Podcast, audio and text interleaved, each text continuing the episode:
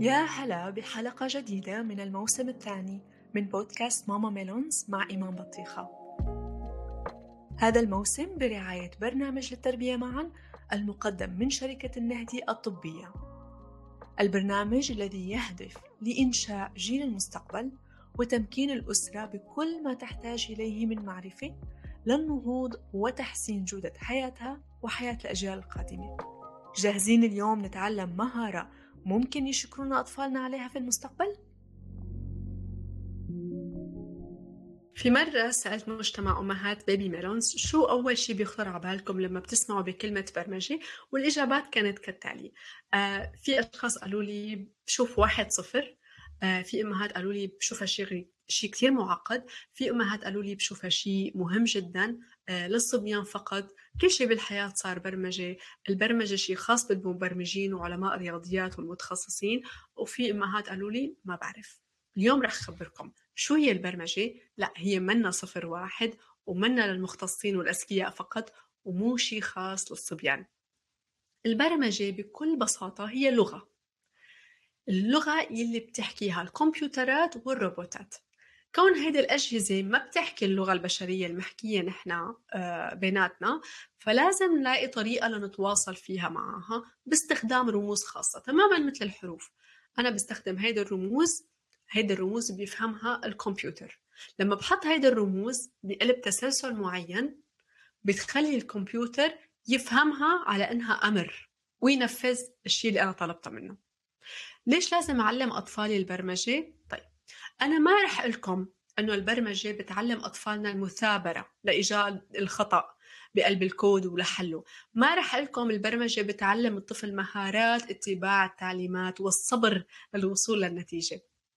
ما رح لكم إنه البرمجة بتعلم مهارات التواصل لأنه الطفل بيكون كتير حذر لما بيكون عم يعطي التعليمات آه، للكمبيوتر نظرا إنه الكمبيوترات هي أجهزة دقيقة وبتنتقل معه هذه المهارة للتعامل مع البشر فبتلاقوا بيحاول يقسم أفكاره لأجزاء صغيرة للتواصل مع الآخرين. رح خبركم سبب واحد بالنسبة لي أنا بشوفه كافي ليش لازم بلش أعلم اطفالي البرمجة؟ بتعلم البرمجة الإنسان شيء اسمه البحث العلمي. هي مهارة مختلفة بتساهم باختلاف طريقة التفكير والتعامل مع أمور الحياة. فقدرة الإنسان على الشعور بالمشكلة اللي عم تواجهه تحديد شو هي المشكلة التفكير ببدائل تجربة هيدي الحلول بعقل متفتح للوصول للحل المناسب البرمجة بتعمل تماما هيدي الخطوات.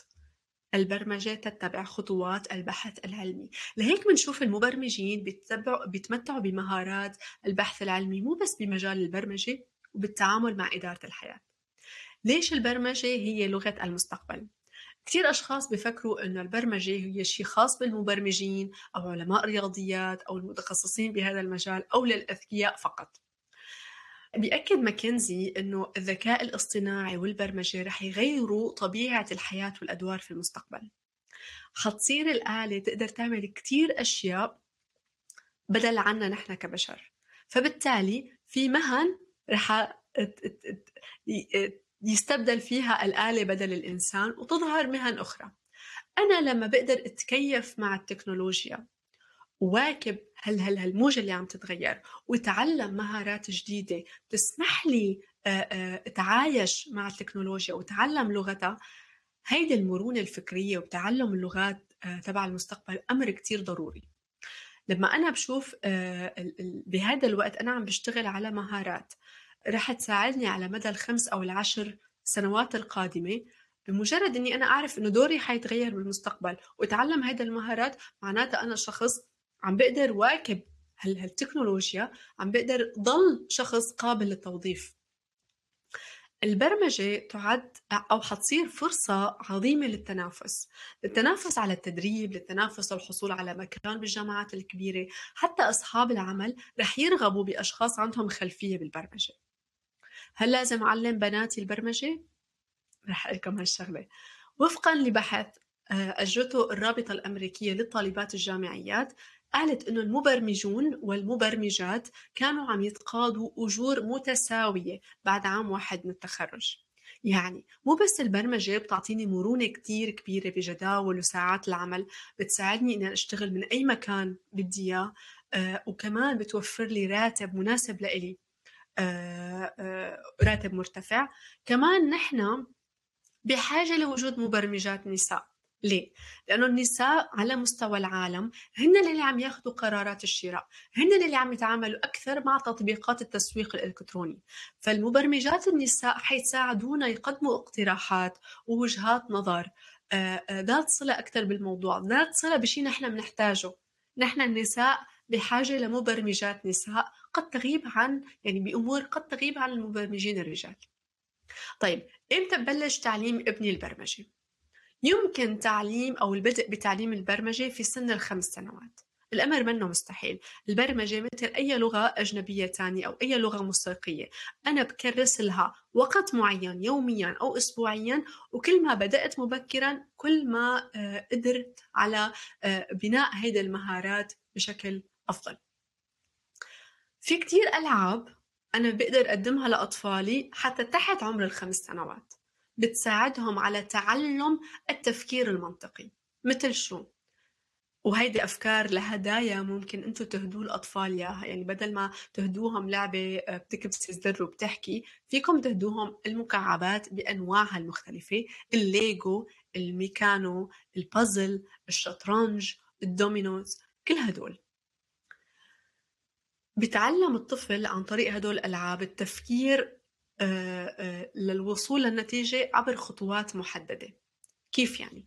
أنا عندي طفل بده يبني مجسم محدد. هيتبع الخطوات التالية وشوفوا كيف إنه هيدا الخطوات كتير بتشبه خطوات البحث العلمي. آه، أول شيء رح يشوف الصورة النهائية للمجسم اللي هو البيت. رح يحدد الخطوة الأولى للمجسم. حيبني قاعدة البيت. إذا أخطأ بيرد بيدور على دائما بضل عم يدور على حلول وبيدور على قطع لبناء القاعدة. بعدين ببلش بالخطوات التالية بطريقة منطقية. بناء الدور الأول بعدين الدور الثاني وهيك. يعني ما بيبني بالعكس ما بيبني الدور الأخير بعدين الدور اللي قبل الأخير. لا بتلاقوه ببلش بطريقة متسلسلة منطقية حتى الوصول للشكل النهائي. فلهيك تعتبر هيدي الألعاب بتساعد كثير على التفكير المنطقي للأطفال وفيني كمان أقدم لهم إياها تحت عمر الخمس سنوات. فيني أستعين بمجموعة ألعاب اللي بيكون مكتوب عليها ستيم هيدي فئة من الألعاب القائمة على العلوم والتكنولوجيا والهندسة والرياضيات بتتوجه نحو إثارة فضول الطفل والتعلم. بصير الطفل قادر على اكتساب آه، وفهم آه، علوم وتكنولوجيا وأمور متعلقة بالهندسة وأمور متعلقة بالفن وأمور متعلقة بالرياضيات فقط عن طريق اللعب.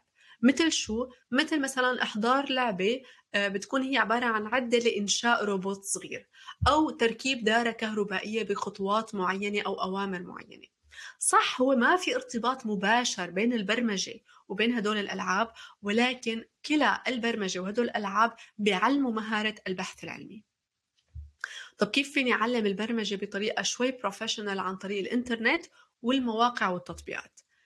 حتى عمر الأربع سنين في موقع اسمه Code Babies هذا الموقع هو عبارة عن سلسلة من الكتيبات بتقدم شرح كتير مبسط للأطفال حتى عمر الأربع سنوات بأسلوب هيك لطيف آه مرح حتى بتقدم لهم أبجديات الويب بشكل كتير أبسط مما أنتم ممكن تتوقعوا. في آه، تطبيق مجاني اسمه كودابل آه، حتى عمر التسع سنوات هيدا. من الخمس سنوات حتى التسع سنوات. هون الأطفال بيشاركوا بعملية التعلم الذاتي. بيتبعوا مجموعة الحروف والأشكال آه، وحتى في دليل لتعليم الآباء والأمهات لجانب أطفالهم وشرح كتير كبير عن مفاهيم من وراء هذا التطبيق. في تطبيق مجاني تاني اسمه دايزي ذا دايناصور هيدا مناسب للأطفال بدءا من عمر ست أو سبع سنوات. هذا فيني هو بشكل لعبة آه، فيني نزله على الآيباد. اللي بيصير إني أنا آه، الأطفال بيقوموا بسحب ومثل بيقولوا آه، وضع مجموعة من الأوامر بحيث في دايزي الديناصور بتفهم هدول الأوامر اللي حطوها الأطفال وبتعملها بشكل حركات. فهون أنا الطفل بيعطي أمر بشكل رمز مثلا والديناصور بيعملها بالمقابل بشكل حركي. يعني تقريبا مثل ال coding مثل مبدأ ال coding آه، بالبدايات.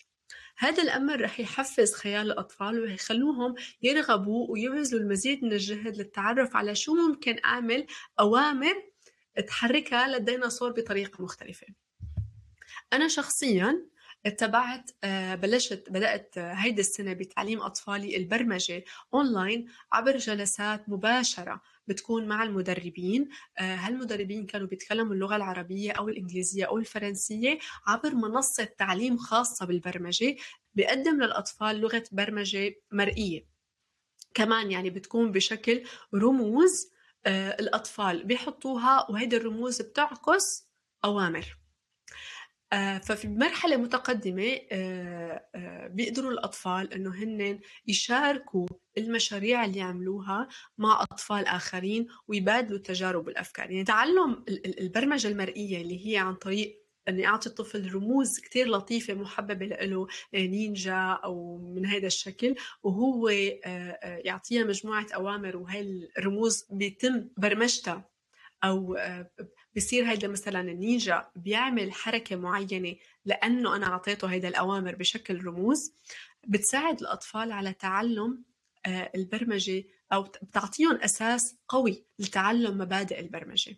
فمثل ما قلت الطفل آه، بيعطي مجموعة تعليمات بتحرك شخصيات بتساعده على إنشاء الألعاب والتطبيقات وحتى ممكن ينشئ قصص تفاعلية آه، أو قصص رسوم متحركة. بعد ما شرحت لكم عن أهمية البرمجة وأعطيتكم آه، أساليب لتعليم أطفالكم البرمجة خبروني هل غيرتوا رأيكم أو فكركم تجاه البرمجة؟ هل حتعلموا أطفالكم البرمجة هلأ ولا لسه في عندكم أسئلة آه، أو مترددين عن الموضوع؟ خبروني بالتعليقات شكرا لكل مين سمعنا اليوم لا تنسوا تسمعوا حلقات بودكاست ماما ميلونز الماضية وبانتظار حلقات ومهارات جديدة كل خميس الساعة 10 صباحا بتوقيت السعودية على جميع المنصات الصوتية. بإمكانكم أن تتعرفوا أكثر عن البرنامج التربوي الداعم للبودكاست للتربية معا المقدم من شركة النهدي الطبية عبر الرابط الموجود في وصف الحلقات. إذا أعجبتكم حلقة اليوم نتمنى مشاركتها مع الأصدقاء والأهل. تعطونا تقييمكم على أبل بودكاست لنكمل بهذا العمل للمستقبل إلى حلقة جديدة كونوا بألف خير.